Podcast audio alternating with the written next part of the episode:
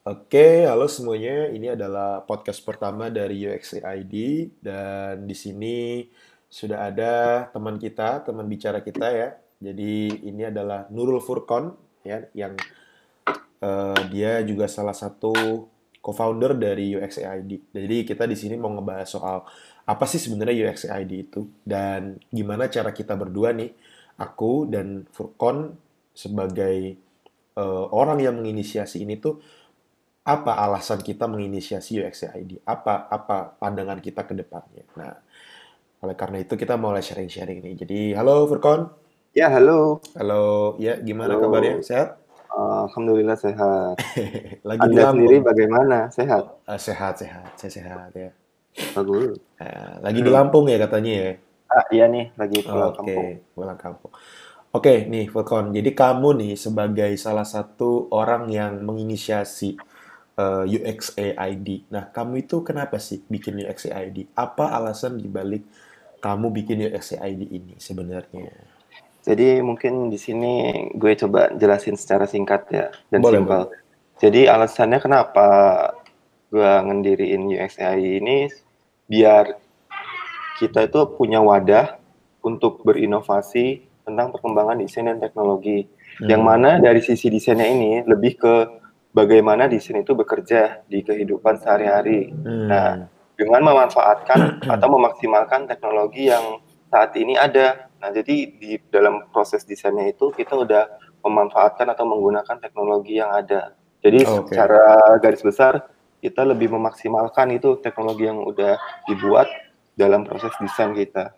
Itu oh, sih. Oke, okay, oke. Okay. Caranya gimana sih gitu kayak pengaplikasiannya itu seperti apa maksudnya gitu. Penerapannya yeah. itu kayak apa? Penerapannya mungkin kan kayak sekarang ini ada yang namanya AI, machine learning. Mungkin yang lebih ini apa lebih mendominan AI ya. Nah, jadi kita kayak gimana sih AI itu bisa masuk di proses desain. Jadi bisa aja kita ngedesain pakai data. Nah, datanya itu udah otomatis karena menggunakan AI. Jadi menyesuaikan dengan kebutuhan si desainer atau dan lain-lain. Ya, seperti itu sih contoh kecilnya. Hmm.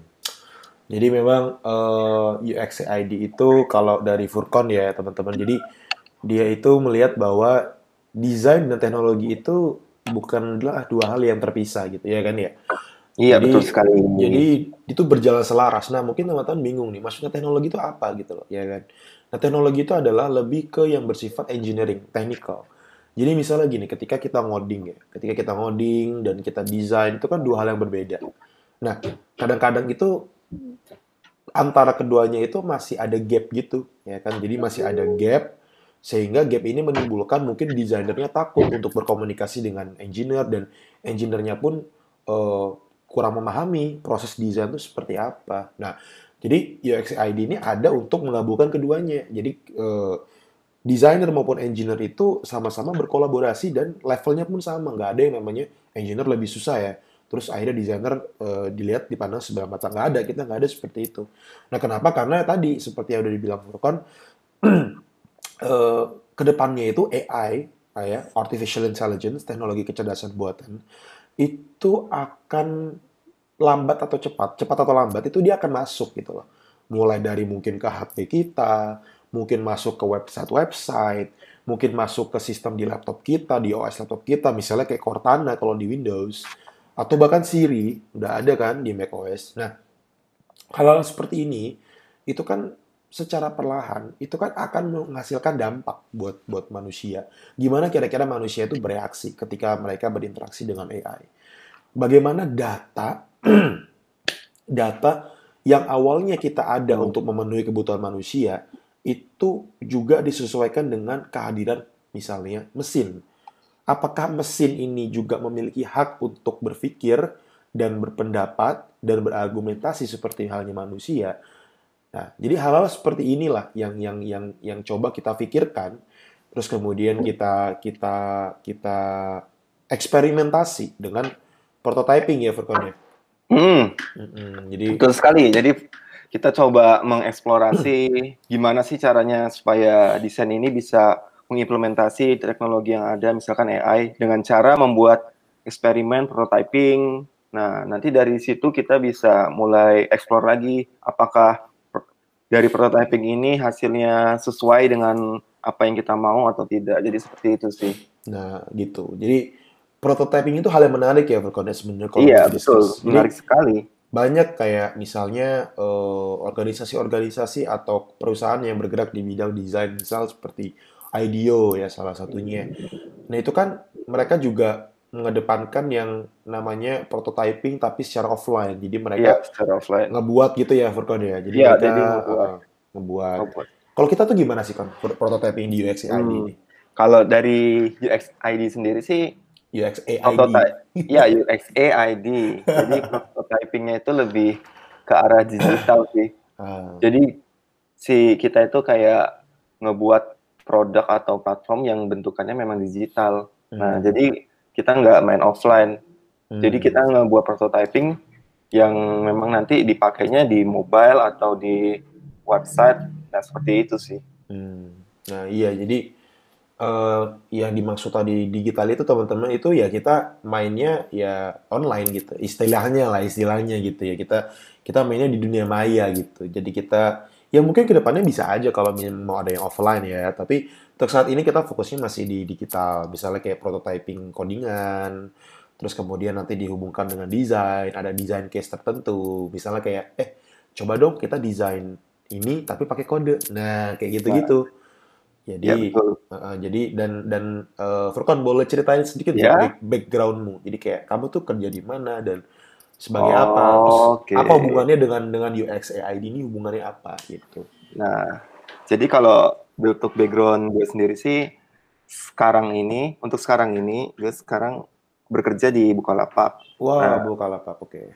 Rules-nya itu sebagai UX engineer. Nah, tugas tugasnya si UX engineer ini membuat prototyping yang udah di yang desain ah, dari desain yang telah dibuat oleh UX designer untuk dites ke user. Biasanya Hmm. yang dites itu produk-produk baru atau fitur baru sih, Hmm. gitu. Jadi eksperimentasi ya teman-teman ya. Iya.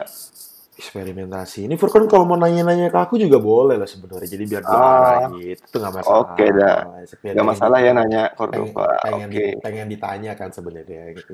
Canda, Iya, canda. siap, Biar dua arah, biar dua arah. Oke, Ya lanjut. biar dua arah. Jadi mungkin sekarang gantian gue yang balik nanya. Ah, Kalau siap. menurut Cordova sendiri, eh sebelumnya itu Cordova sendiri backgroundnya apa sih sekarang?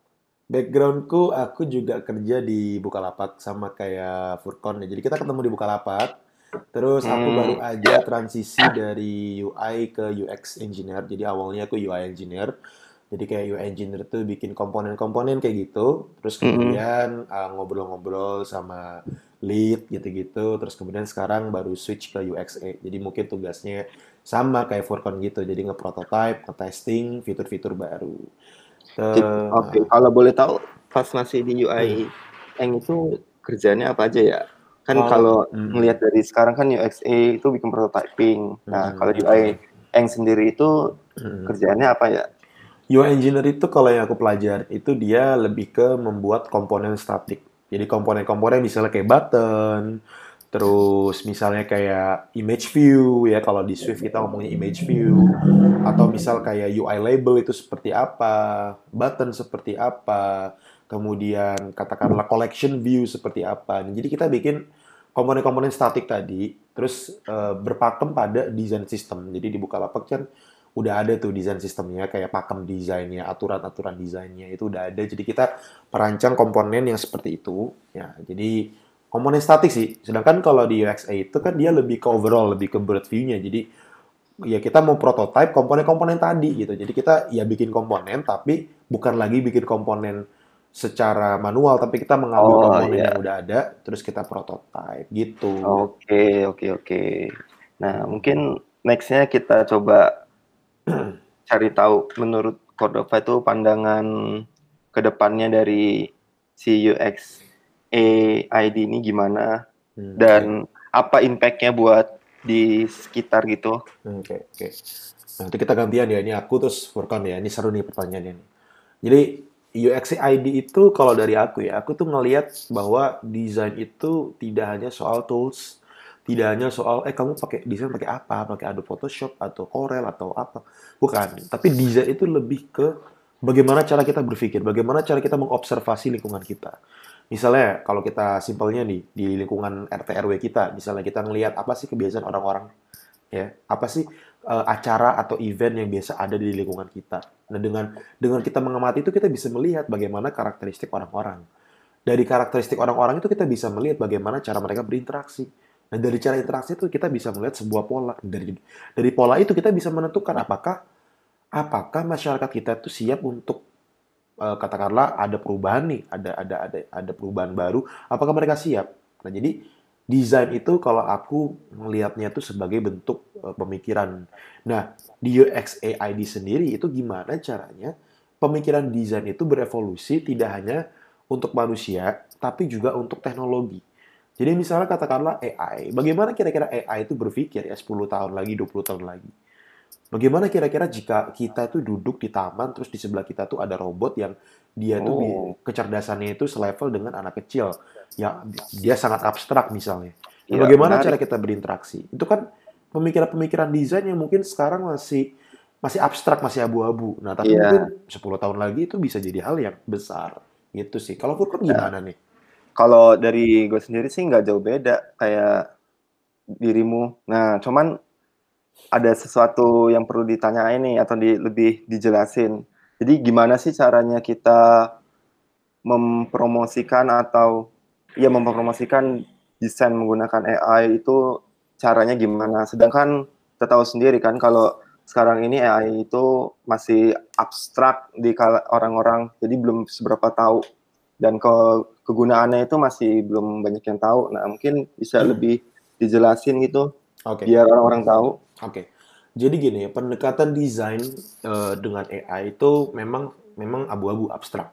Tapi kita di UX AI itu uh, merumuskan yang namanya design 5.0. Jadi paradigma design 5.0 ini adalah bagaimana uh, kita memahami cara dan model interaksi dengan AI. Prosesnya adalah yang pertama, kita terlebih dahulu memahami yang namanya ethics, etika. Nah, oh, iya. sistem ethics ini artinya adalah bagaimana sih gitu ya, bagaimana hmm. seseorang memproses informasi dan mempengaruhi tindakannya. Jadi ketika oh, kita ada ada informasi masuk, nah itu kan bisa mempengaruhi pola pikir di mana pola pikir itu mempengaruhi tindakan. Nah, perubahan ya. antara uh, siklus ini, flow ini itu bisa diaplikasikan ke bagaimana AI memahami tugas-tugas yang diberikan. Nah, tugas-tugas hmm. ini kan ada algoritmanya, di mana algoritma itu adalah ibaratnya kasarannya adalah cara berpikir, sistem berpikir, cara memproses informasi, cara mengelola informasi, dan cara mengeksekusinya. Nah, kalau misalnya di dalam kita menerima informasi terus misalnya ada bias, katakanlah manusia nih, kita dicekokin berita hoax, hoax ya.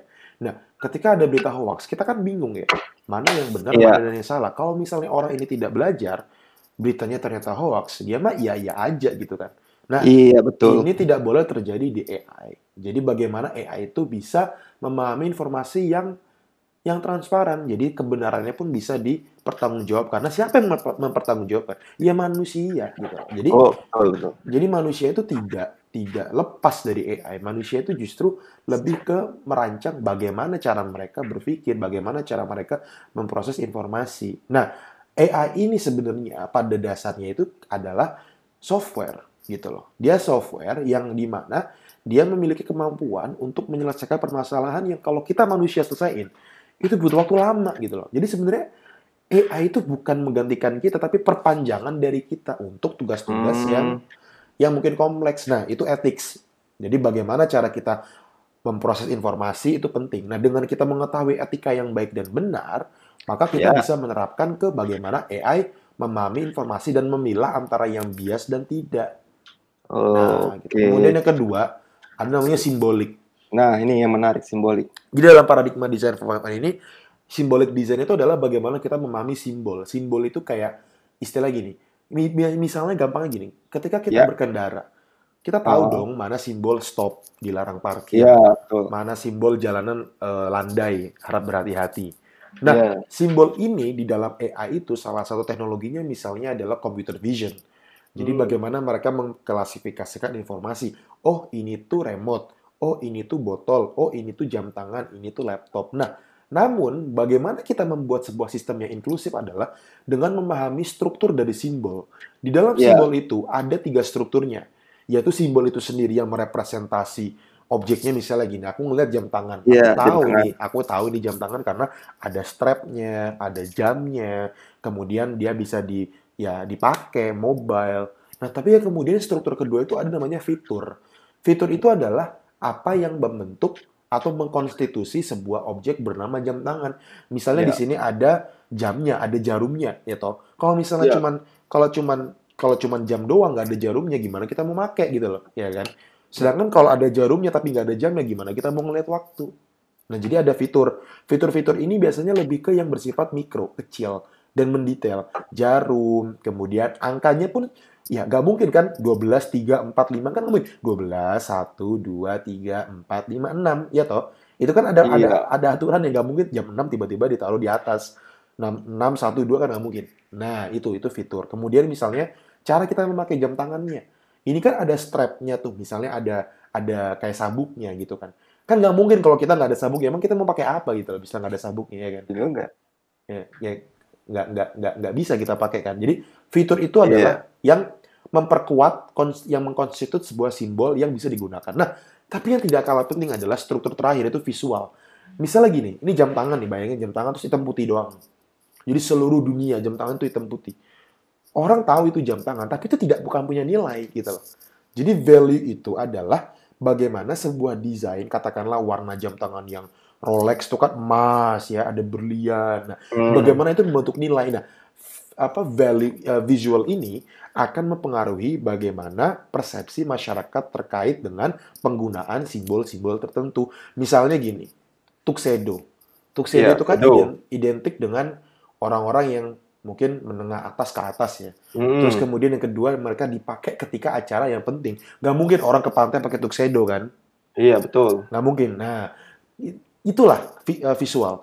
Jadi visual itu membawa persepsi kita untuk menggunakan simbol yang terdapat di dalam sebuah komponen atau objek kayak jam tangan di tempat dan waktu yang sesuai.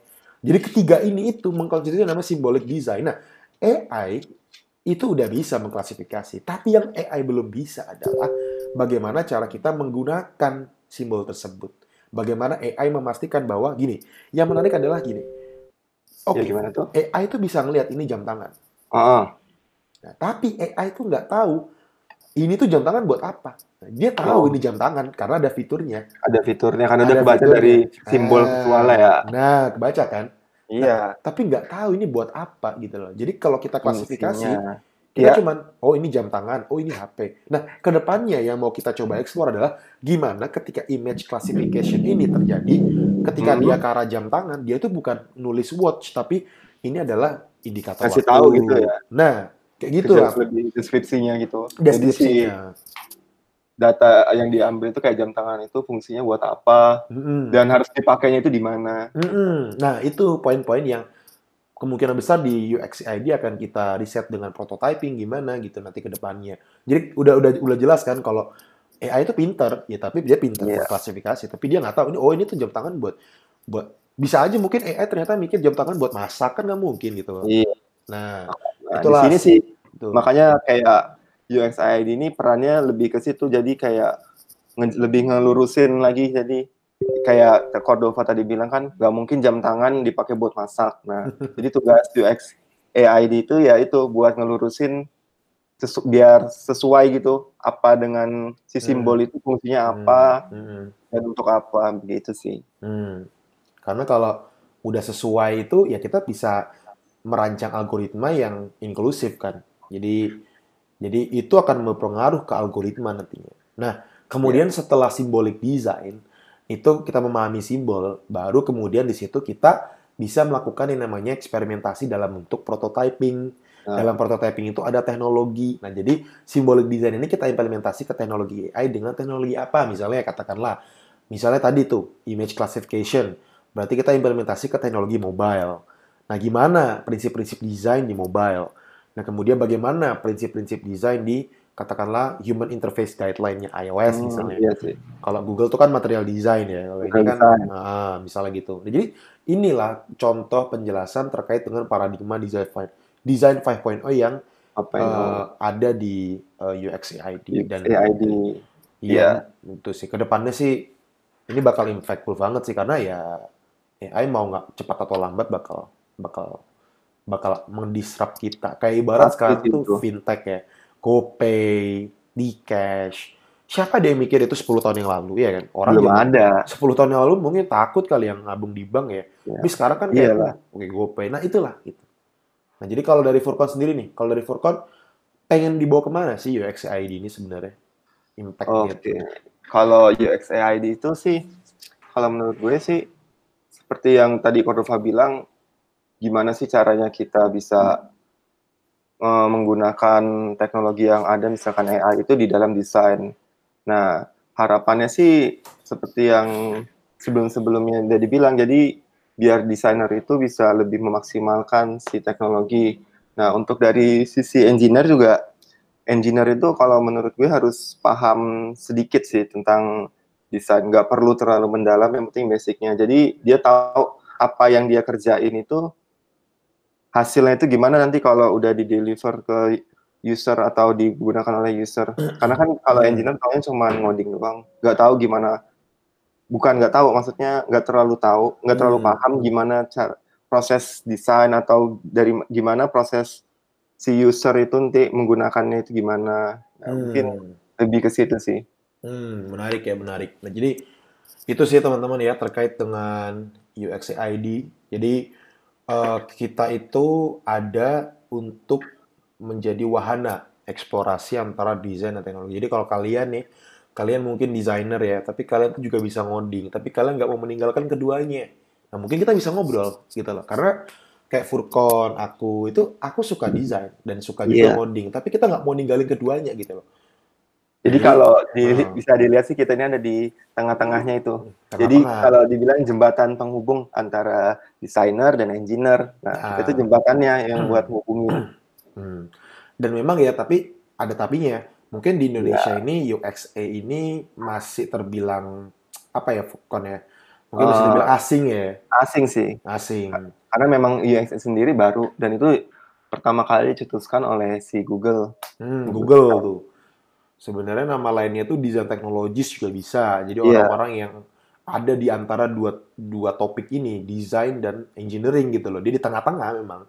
Jadi bukan mengarah ke satu dan yang lain, tapi dia memahami gitu loh. Jadi yang tadi dibilang Furcon sebagai penjembatan. Nah, UXA ini sebenarnya kalau diaplikasikan ke produk design dan development di Indonesia itu kat- oh, itu menurutku bakal bakal impactful sih karena itu bisa memotong waktu research atau konsep development yang mungkin awalnya kita tidak tidak ada yang tangible. Misalnya ada Iya. prototype nih, tapi prototype nggak tangible, itu bisa dibuat sama UXA kayak gitu-gitu kan ya. Iya. Nah, mungkin yang jadi PR besarnya si UX AID ini gimana sih cara kita ngerubah kebiasaan yang udah lama-lama nih kita coba menggunakan kebiasaan baru yang udah nerapin teknologi dalam desain dan segala macam. Nah, itu sebenarnya jadi PR besar kita juga Iya, sih. iya, setuju, setuju. Karena kita harus menentu, menemukan atau mencetuskan metode yang lebih baik dari yang sebelumnya. Itu. Nah, uh, tidak untuk me- merubah total, tapi sebenarnya Iya. mengembangkan ya. Jadi jadi biar lebih efisien aja gitu cara Iya. desain. Tapi yang penting juga, kalaupun metode kita nanti udah diaplikasikan, yang kita harapin sih sebenarnya pola pikir desainer dan engineer sih. Itu kan yang penting ya. Iya, kalau kalau pola pikirnya engineer misalnya, ah ini kan aku lebih susah dari desainer, aku harus dapat kredit yang lebih ini ini ya itu ya nggak bisa gitu, nggak bisa seperti itu gitu kan ya kan ya. Iya, Jadi pola nggak pikir bisa segitu, nggak bisa se- satu arah. nggak bisa satu arah. Ya kalau misalnya aku sama Furkon nih, misalnya aku nggak ngerti, ya aku nanya misalnya, eh, ini kenapa sih kayak gini? Atau misalnya Furkon nggak ngerti, terus kita coba cari bareng-bareng masalahnya. Oh gini ternyata gini. Jadi bukan bukan masalah kayak, oh kamu engineer kamu harus ngerti, oh kamu desainer kamu harus ngerti. Nggak gitu juga gitu loh, karena Iya, AI nggak mandang gitu. AI dia udah bisa desain sekarang kan, desain juga bisa, Iya. engineering juga bisa, ya, ya kayak gitulah makanya itu gagasan UXID. Nah mungkin uh, itu ya untuk untuk podcast hari ini. Iya, untuk- Jadi mungkin ini sederhana banget ya ini sebagai pembuka aja nih refreshing aja biar teman-teman dapat gambaran lah ya UXID. Iya. Nah kemudian mau nanya nih, misalnya nih teman-teman ada yang- ada yang nanya UXID ini bakal buka rekrutmen nggak sih? Misalnya nih kadang kan ada aja gitu kan di luar sana ya, wah ini tuh buka rekrutmen nggak sih atau gimana? Menurut Furkon gimana nih? Ya, Ke depannya, kalau- ke depannya ya, ke depannya ya, bukan sekarang. mah Bukan Iya. sekarang, of course. Iya paham, paham. Jadi kalau untuk ada yang mau join ke UXA ID, kita sih open sih. Siapa aja yang mau, mungkin mereka itu punya ketertarikan terhadap desain dan teknologi supaya Nah. jadi ketika masuk itu mereka punya dapat feedback yang baik juga. Jadi Hmm. kalau cuman masuk ingin ikut-ikutan aja ya kan akan sia-sia sayang gitu. sia-sia saya sayang ya jadi itu dan di UXID ya kita eksperimentasi gitu jadi ya kayak misalnya Furkon tuh dia eh, malam biasanya ngoding dia coba hal-hal baru ini kalau nggak bisa dieksplor jadi kayak gitu-gitu. Jadi kita bukan bukan kayak kita harus bikin satu app misalnya. Enggak gitu. Kita nggak Iya, nggak mengejar satu app tapi kita menjawab bagaimana tantangan desain cara pola pikir desain yang menyatu dengan teknologi gitu loh di masa mendatang. Nah nah itu gitu poinnya. Nya tuh. Jadi ya dari eksperimen-eksperimen ini kan kita ada building blocks kan. Misalnya oh kemarin kita udah coba eksperimen ini bisa kok. Terus kita gabungin sama yang lain kita gabungin gabungin gabungin. Kan jadi satu sesuatu gitu loh bukan kayak kita nunggu satu bikin satu app panjang lama. Belum lagi kalau ada faktor X faktor ini faktor itu. Jadi ya kita kita bukan seperti itu sih. So kalau misal teman-teman misalnya ke depannya ada yang mau join ya ya itu tadi punya ketertarikan desain dan teknologi dan mau eksperimen aja. Tapi Iya. untuk untuk saat ini kita masih belum sih karena kita masih coba merancang dulu ya gimana uh, biar rapihnya gimana. Ntar kalau udah misalnya kita buka kita kabarin kok pasti gitu. Iya, tunggu aja kapan nanti diumumin kok. Ngumumin tenang aja slow ya slow. Skuy skuy. Dan juga nanti ke depannya kita juga bakal berkolaborasi untuk ngebuat suatu eksperimen gitu. Jadi semua yang udah join di UXA engine UX AID itu bisa ikut kontribusi gitu. Hmm, bisa. Bisa. Jadi tinggal tunggu aja ya nanti diumumin. Mm-mm, gitu. Oke. Oke kalau gitu eh, dari Furkon ada tambahan nggak ya buat ini? Mungkin untuk yang sekarang ini cukup. Cukup ya. Oke. Dari aku juga cukup. Thank you banget buat teman-teman yang mungkin udah menyempatkan waktu mendengarkan podcast kita yang sangat sederhana ini ya. Mohon maaf mungkin podcast kita tidak secanggih yang lain tapi at least kita udah mulai nih. Kita udah Iya. mulai dari start ya. Thank you Jadi mohon dimaklumi ya dimaklumi kurang eh, bagus kualitas dan kualitasnya tapi tak- yang semoga informasi yang kita share bermanfaat sih. Jadi itu aja dari kita untuk podcast pertama ini. Tunggu podcast-podcast berikutnya ya subs- eh, subscribe lagi. Support Ini bukan channel YouTube, Pak. Iya kayak YouTube ya, saya support lah eh, kalau eh, ada tuh eh, github.com slash uxaid atau medium.com slash uxaid. Kita belum ada satu website, kita masih eh, ngembangin ini dulu, eh, platform-platform yang lain dulu gitu. Oke, thank you Oke. banget. Eh, kami pamit undur diri. Wassalamualaikum warahmatullahi wabarakatuh. Oke, see you.